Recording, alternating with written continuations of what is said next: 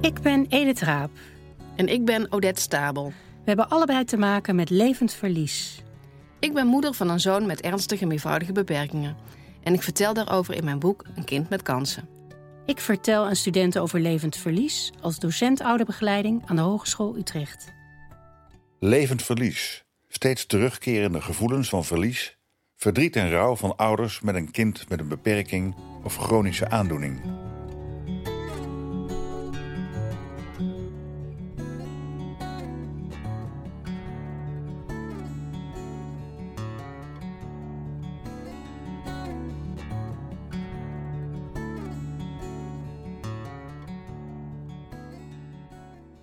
Vandaag praten we met Serpil Eskisi. Serpil is moeder van een zoon met ernstig meervoudige beperkingen. Door de corona moeten we beeldbellen en hebben de pech dat de verbinding slecht is. We gaan steeds harder praten. Op een gegeven moment zijn we net als oude mensen vroeger, die heel luid door de telefoon gaan roepen, omdat ze bang zijn dat ze niet verstaan worden aan de andere kant van de lijn. We gaan beginnen. Serpel stelt zich voor. Ik ben Serpel Eskisi. Ik heb een Syrisch-Turkse achtergrond. Ik ben sinds 2001 sociaal organisatiepsychologe en daarvoor heb ik als analiste in de genetica gewerkt. Um, ik kom eigenlijk uit een arm gezin met zes kinderen. Sinds mijn achtste ben ik naar Nederland gekomen en mijn ouders waren een paar jaar ervoor. Um, ik heb een Nederlandse man sinds 20 jaar. En daarbij heb ik uh, samen een jongen van 16, een meisje van 14 en een zoon van 12. En deze zoon, de jongste, die heeft het syndroom van Champ 1.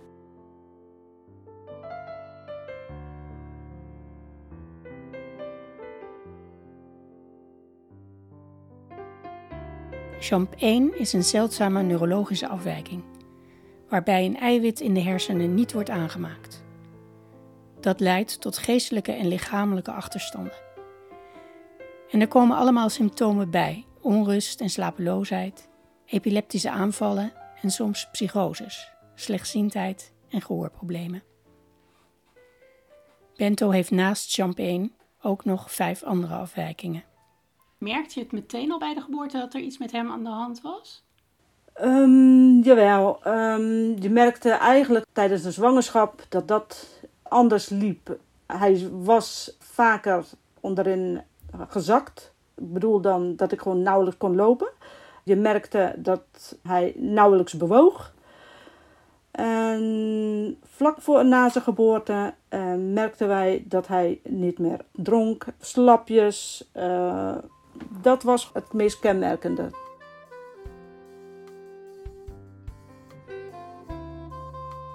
Hun zoon dronk niet en moest met een zonde gevoed worden. Hij huilde voortdurend. Serpil was drie maanden lang dag en nacht met hem bezig. We hebben in die periode heel veel onderzoeken gedaan. Zowel oogonderzoeken als kano, als uh, neurologie. Er kwam helemaal niks uit. Uh, van oogonderzoek zeiden ze van nou ja, hij is blind. Uh, nou, ik dacht van nou, hij is helemaal niet blind. Want met pijnstiller kan hij me nog volgen. Decano, idem dito, hij is doof. Nou, volgens mij hoort hij me wel, want hij reageert op bepaalde dingen. Uh, neurologie, idem dito, van ja, hij is normaal. Maar ik zeg van joh, hij reageert heel normaal niet. Dus niet serieus nemen en het kind zo vaak ziek en dag en nacht huilen. Het was gewoon een en al achter elkaar ellende. Je moet je voorstellen dat je een radio hebt die gewoon continu uh, ruis heeft. Echt hele schelle ruis. En je kunt niet aan de knoppen sleutelen om gewoon dat te verminderen. Maar een radio kun je gewoon tegen de muur uh, gooien. Maar een kind niet. En ik kon ook niet gewoon zeggen tegen mijn man van... joh, neem jij het nu over s'avonds, want ik ben op. Nee, ja, hij is chirurg met zijn 80-urige werkweek. Was de grote last voor mij vooral.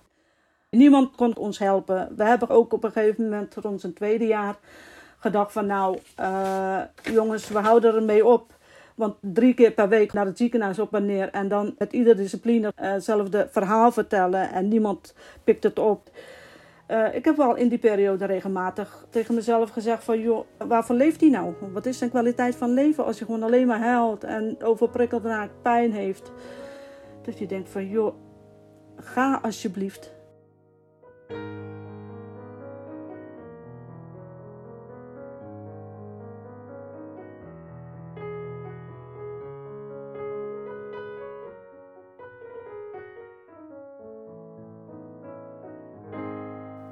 Serpil vertelt hoe ze vanuit haar achtergrond naar leven en dood kijkt.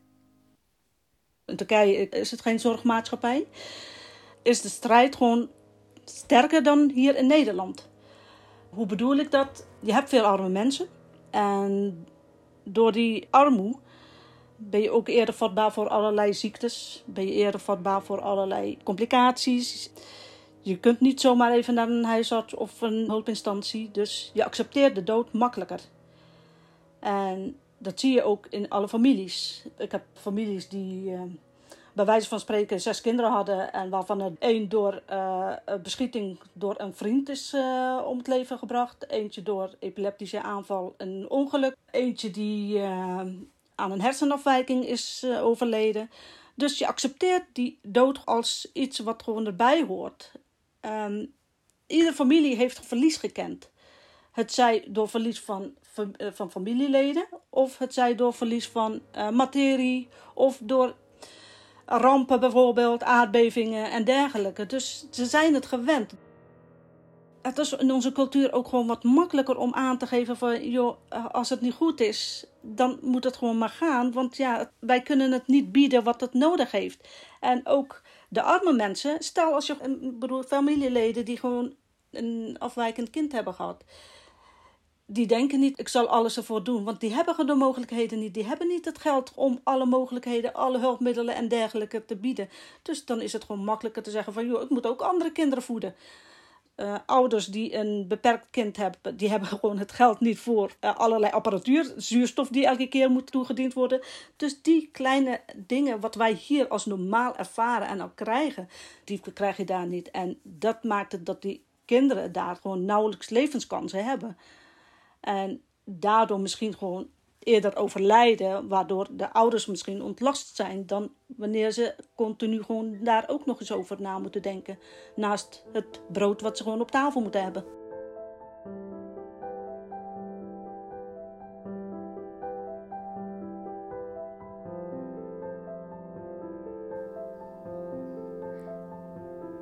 Is het een armoedeprobleem?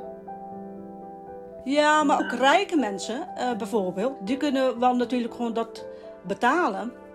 Maar of ze dat doen, ik denk dat ook die het gevoel hebben van, ja, laat de persoon maar gaan. Want het heeft weinig zin om die nog in leven te houden. Het is geaccepteerd, denk ik, gewoon in de cultuur. Hoewel natuurlijk wel in de Koran staat, uh, gehandicapten, die moet je wel in leven laten. En ze moeten wel gewoon meedraaien in de maatschappij. Maar de praktijk is niet zo ver als wat wij hier elk leven, elk in leven willen houden.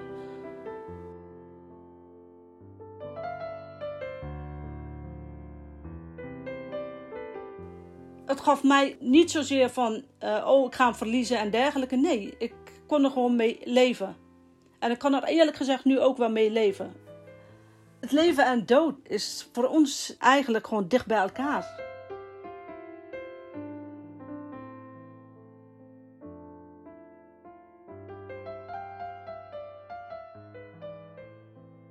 We gaan terug naar wat er gebeurde in haar eerste jaren met Bento. In die periode zag ik ook bij hem vrij vaak een blauwe mond. Zelfs mijn schoonzusje die mij attendeerde. Uh, een huisarts die, die wij als vrienden hebben, die heeft dat ook gezien. En dat de kinderartsen daar nauwelijks wat mee deden. En pas na een jaar, na een paar longontstekingen bij een ziekenhuis opnamen. Toen een verpleegkundige aangaf van, joh, zullen we ook zijn, zijn uh, zuurstof opnemen. Zullen we dat gewoon laten meten? En toen, toen men daar inzag dat het gewoon echt heel laag was, is men geschrokken. En pas toen is men gewoon hen zuurstof gaan toedienen. Dus eigenlijk na een jaar zuurstoftekort is men zuurstof gaan toedienen. Dat gaf gewoon ons een gevoel van, ja, maar luisteren jullie nou wel?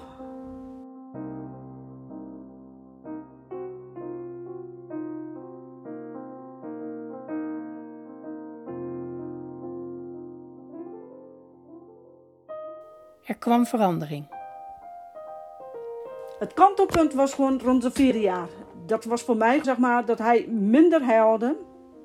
Maar wel degelijk nog huilde. Maar minder huilde en ik zag hem ook meer kruipen. Hij liet ook wat meer affectie zien. En hij kon ook genieten van bepaalde kriebelmomenten. Dus dat was voor mij van, oh, je leeft. Er gebeurt wat. Je ontwikkelt. En dat was echt een moment dat we zeiden van, oké, misschien is het wel goed dat ik kan leven. En dat er gewoon toch iets van kwaliteit in zit. Want hij vecht. Hij vecht, ook al heeft hij pijn en dergelijke. Hij vecht gewoon. Ja, en hoe was dat voor jou? Voor mij is dat natuurlijk gewoon op dat moment fijn, omdat je gewoon ziet dat er reactie is. Dat wat je allemaal doet effect heeft. En dat geeft natuurlijk toch hoop. Hoop in die zin dat je wat aan kunt doen aan zijn kwaliteit van leven. Want voor mij was zijn, zijn beperking niet het probleem. Want ik wist natuurlijk gewoon vanuit de genetica dat er wel degelijk heel veel afwijkende kinderen konden zijn. Dat ik zelf ook een kans had gewoon om een afwijkend kind te krijgen. En wat gebeurde er op zijn vierde dat een kantelpunt was? Ik denk dat hij enerzijds wij hem op een gegeven moment een beetje door hadden. En daarnaast was het zo dat hij rijpte, heb ik het idee. Dus rijping qua en medicatie maakte hem iets rustiger. Want we merkten ook wel dat hij gewoon niet tegen prikkels kon. Dus, en daardoor gewoon reageerde.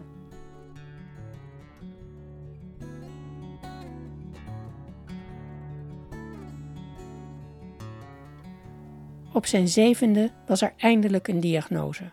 We hebben genetisch onderzoek gedaan. En dat was vrij normaal. Maar zelf iets in mij, uh, omdat ik natuurlijk genetisch analiste was en een aantal jaren toch uh, in die branche uh, heel veel afwijking heb gezien, had ik een sterk vermoeden dat het een puntmutatie zou zijn. En we zijn toen ook mee gaan doen met een onderzoek. En volgens mij twee, drie jaar na dato kregen wij de uitslag van, joh, we hebben wat gevonden en de champ 1 kwam. En sindsdien is het balletje gaan rollen voor ons van, joh, wij gaan weer op zoek naar mogelijkheden voor deze jongen. Toen hadden jullie een diagnose. En wat wist jij daarvan? Wat wisten jullie daarvan? Helemaal niks, want het was een, een vrij nieuwe. Al gauw hebben wij uh, uh, contact gezocht met de genetica. En uh, die heeft ons een paar namen van andere ouders aangegeven. Van nou, daar mogen jullie gewoon contact opnemen. En zo hebben wij een Facebookgroep opgericht. En van daaruit zijn we gewoon zeg maar, elkaar gaan informeren van wat heb jij voor een kind, welke mutatie is dat en hoe uit dat zich. En hoe was dat om met die andere ouders te spreken? Um, een eye-opener. Omdat je soortgelijke problemen ziet. Je ziet bijna gewoon uh, dus dezelfde struggles van niet serieus genomen worden. De, de slapheid van het kind waarbij je gewoon niet weet van hoe en waarom de ziektebeelden. Dus dat was voor ons gewoon een soort herkenning en erkenning. De meesten voelen zich gewoon heel erg verbonden met elkaar en noemen zich eigenlijk genetische zusters, bij wijze van spreken. Dat is wel heel bijzonder.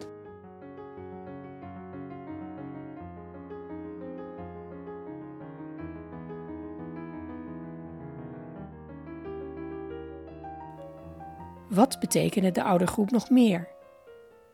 Je gaat vergelijken en door die vergelijking ga je gewoon ook elkaars therapiemogelijkheden bekijken. En die therapiemogelijkheden, dat bespreek je op een gegeven moment met de artsen. En zo kun je natuurlijk een beetje de behandeling sturen. Ik zal een voorbeeld nemen. Een vergelijkbare patiënt kreeg een bepaalde medicatie. En onze zoon die werd gewoon behandeld met antiepileptica. Dus dat was een beetje vreemd. Uh, terwijl de ander gewoon antipsychotica gebruikte, heeft onze zoon antiepileptica. Dus dat ga je bespreken. En zo ga je gewoon de medicatie verfijnen. Om hem een beetje bij te helpen in die pijnsituatie.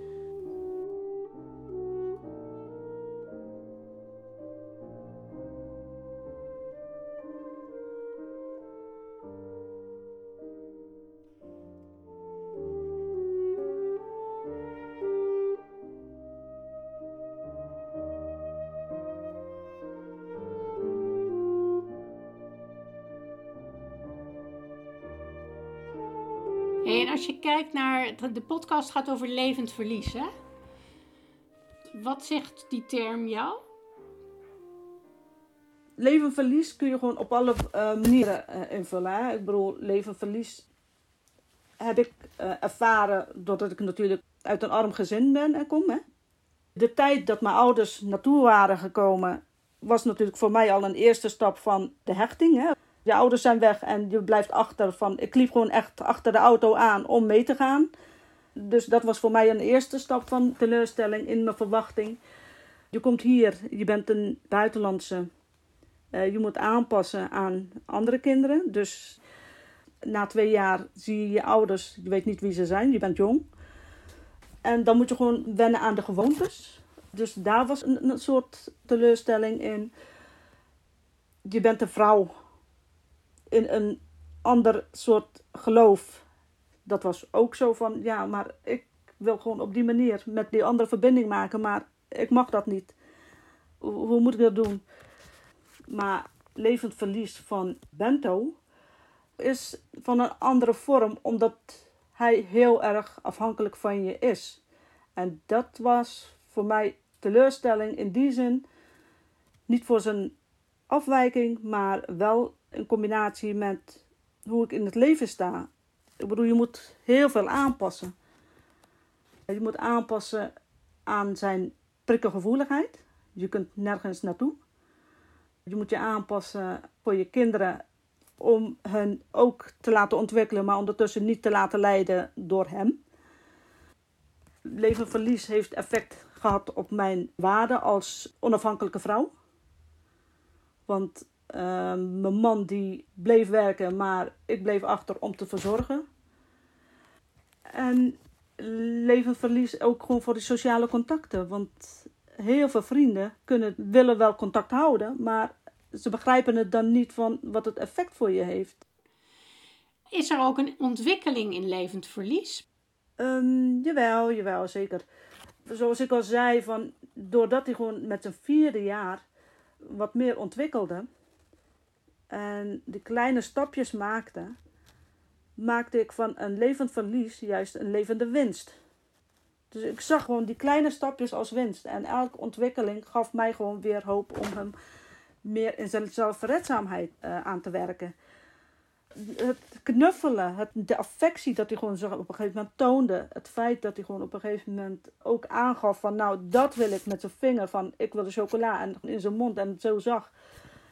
Dat waren voor mij gewoon natuurlijk gewoon euforische momenten dat ik er van yes, oké, nou begin je gewoon echt kwaliteit in je leven te krijgen. Zodat je jouw wil aantoont van ik wil dit en dan kan ik gewoon daar naartoe werken. Dus ja, en ook gewoon het verminderde pijn in de loop der jaren, dat gaf ook wat meer lucht. Dat je denkt van oké, wow, nou kan ik eindelijk een beetje een keer slapen.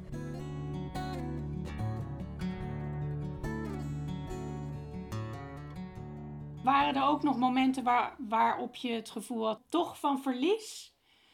Nou, het verlies niet zozeer van zijn beperking, maar wel in de manier van in onze sociale context. Uh, wij werden uitgenodigd bij een bruiloft voor mijn uh, neefje. En ze hadden gewoon ons uitgenodigd een aantal maanden voor. Dus wij hadden gewoon alles gepland. De hotel eromheen. Turkse bruiloften zijn vrij rumoerig. Dus prikkelgevoelige uh, uh, zoon, dat is gewoon niet goed gematcht. Dus we dachten van nou, weet je, we gaan als familie daar naartoe. En dan, mijn man zou dan gewoon zeg maar uh, halverwege de bruiloft naar het hotel gaan. Zo gezegd, zo gedaan, bleek gewoon een paar weken voor de bruiloft dat het niet doorging. Dus we zeiden oké, alles gecanceld. En later, na twee weken, zou dat weer opgepakt worden. Uh, maar dat zou op een vrijdag zijn. Maar het probleem was dat mijn man geen vrij kon krijgen. Dus ik zei van, joh, dan ga ik met de kinderen. En dan blijf jij bij Bento achter. Precies op dezelfde dag dat de bruiloft zou zijn, bleek de verwarming stuk te gaan. En we hadden een lekkage. Daarnaast was Bento ziek geworden. Dus dacht ik van, shit, en nu? De kinderen hadden zich zo lang verheugd. Dus ze dachten van nou, eindelijk een Turkse bruiloft. We gaan meedoen. En toen heb ik aangegeven van jongens, ik kan niet gaan. En zij waren zo teleurgesteld van ja, maar en wij dan? Ik zeg nou, dan 13 en 11-jarigen, dan gaan jullie maar met de trein.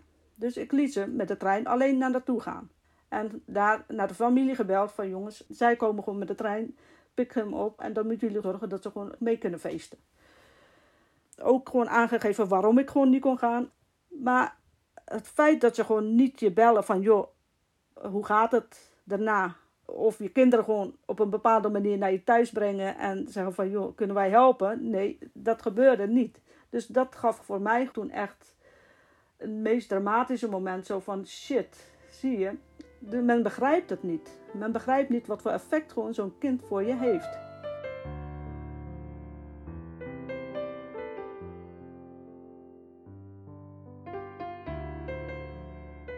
Hoe voelde je als moeder van Bento?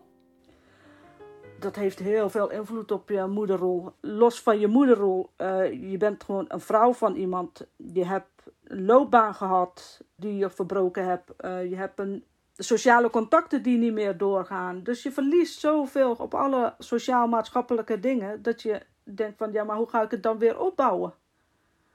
Ben ik wel nog iemand? Ik word gezien als de, de vrouw van de dokter. Maar waar is mijn eigen identiteit? Waarbij je gewoon zegt van ja, hoe, hoe kom ik er hier uit? Want ik ben niet alleen een moeder. Ik ben ook gewoon nog een iemand die ook iets wil. Ook iets kan. En was daar aandacht voor, Serpil? Nee, wel de aandacht via mijn man. Die zei van, joh, als je iets wil doen, doe dat.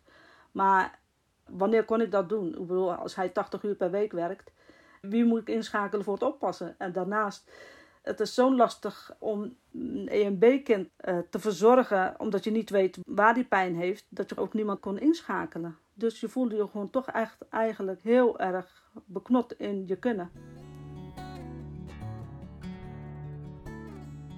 stille eenzaamheid, stille verdriet had ik. Omdat je gewoon niet begrepen werd. Eén, je werd teruggeworpen in je huis. Je kon niemand inschakelen. En twee, je had twee kinderen die je ook nog alle aandacht moest geven.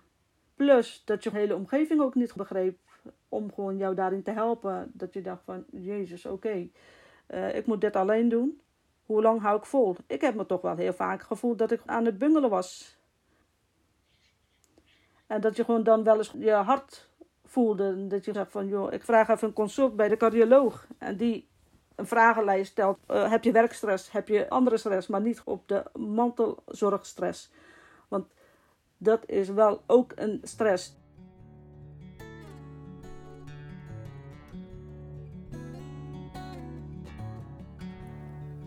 Wat hebben jullie gemist in de hulpverlening? Waar ik gewoon echt eh, heel veel van geleden heb. En ik merk gewoon tot nog toe nog dat je gewoon een praktische ondersteuning weinig eh, hulp hebt gekregen. En wat bedoel je dan? De eerste jaren, wij werden gewoon verwezen naar instanties, zoals het is. En als ik om hulp vroeg, van jongens, hij slaapt niet, ik ben een beetje op, ik heb slaapgebrek. Dan werd ik verwezen van, het is een gebruikelijke zorg, uw kind is een gebruikelijke zorg. Ik zeg van jongens, jullie hebben het hele medisch dossier voor jullie neus. Echt een dikke dossier. Aan de lijn gehad. Zo'n zo mevrouw. Dan zegt ze van ja, ik heb een hele medisch dossier. Maar wat is er eigenlijk? Ik zeg ja, misschien kunt u het even lezen. En, en dat is gewoon echt tot het vierde jaar geweest. En rond het tweede jaar hebben wij nachthulp gehad. Voor drie dagen. En dat was uit Coulance. En daar konden ze gewoon alleen één jaar bieden. Maar daarna zeiden ze van ja, u moet het zelf verder zoeken. En dan sta je zo van, jongens, maar wat is hier aan de hand? Dit kind is niet normaal. Het is niet een gewone kind die gewoon opgroeit. Het huilt nog steeds. Die heeft een nachtenhulp nodig. Die heeft zuurstof nodig, want hij was ook toen zuurstofafhankelijk. Dus dat was voor ons een gevecht. En we hebben gewoon bezwaren aangetekend, waarbij we het kind gewoon meenamen naar Eindhoven om te laten zien van jongens, is dit nou normaal voor u?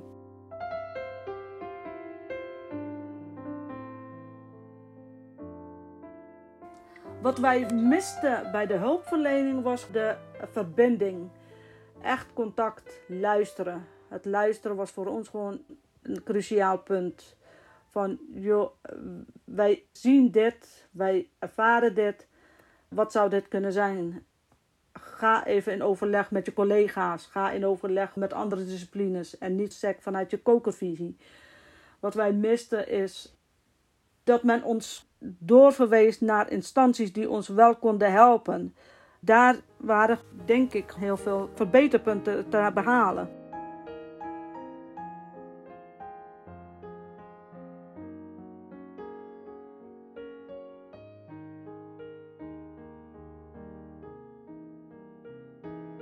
Ze miste de regierol, iemand die hem wegwijs maakte in waar hulp te halen.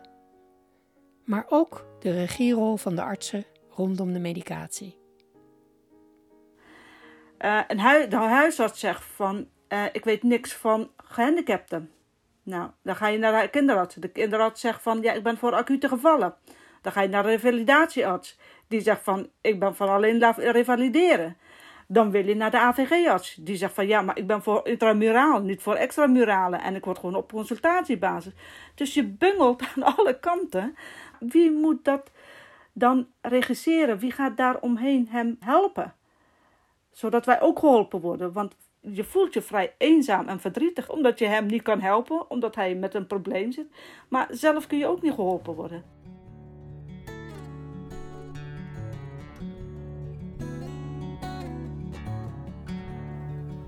Nog één ding over de hulpverlening. Het is veel uitgedrukt in cijfers, statistieken of onderzoeken, maar men heeft eigenlijk niet zo'n holistische of een multidisciplinaire benadering. En wat hadden ze dan concreet moeten doen? Ik denk dat als mijn zoon bijvoorbeeld in het ziekenhuis is en uh, hij wordt medisch onderzocht, jij als moeder zijnde daar 24 uur per dag aan het verzorgen bent, wat voor effect het voor jou heeft. Hoe jij als moeder zijnde een combinatie met dit huishouden thuis doet. Een combinatie met de brussen doet. Een combinatie met je man. Om na die ziekenhuisopname verder in het leven door te gaan. En daar wordt gewoon weinig mee gedaan.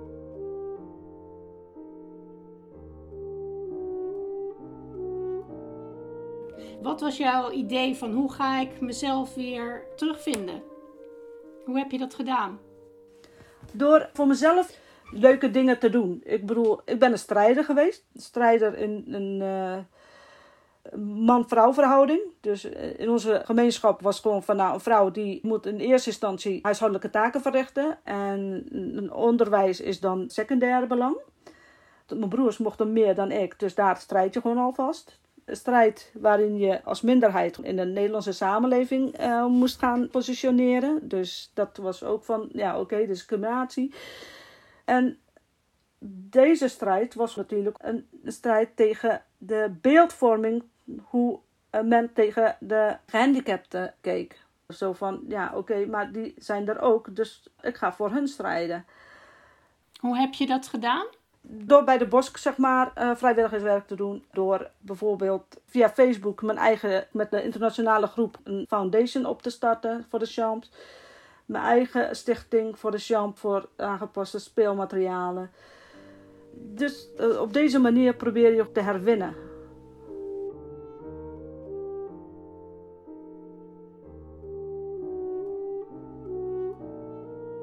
Maar het was niet alleen verlies. Je verliest wat, maar je wint ook echt diepe verbindingen, diepe relaties. En ik denk dat dat bij de meesten herkenbaar is.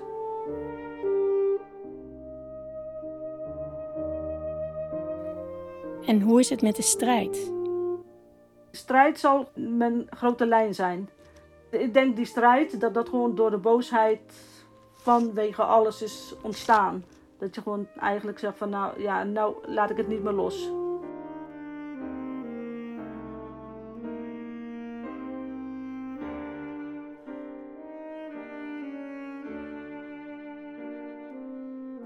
Spraken met Serpil Eskisi. Dit was aflevering 18 in de podcastserie Levend Verlies. De maanden juli en augustus nemen we even vakantie van de podcast. De laatste zondag van september zijn we weer terug met een nieuwe aflevering. Kijk de komende tijd eens op onze website, die vanaf het begin op een geweldige manier verzorgd is door Ellie Vlaming. Tot de volgende keer. Elke laatste zondag van de maand een gesprek over levend verlies. Ik ben Odette. Ik ben Edith. Abonneer je op onze podcast levend-verlies.nl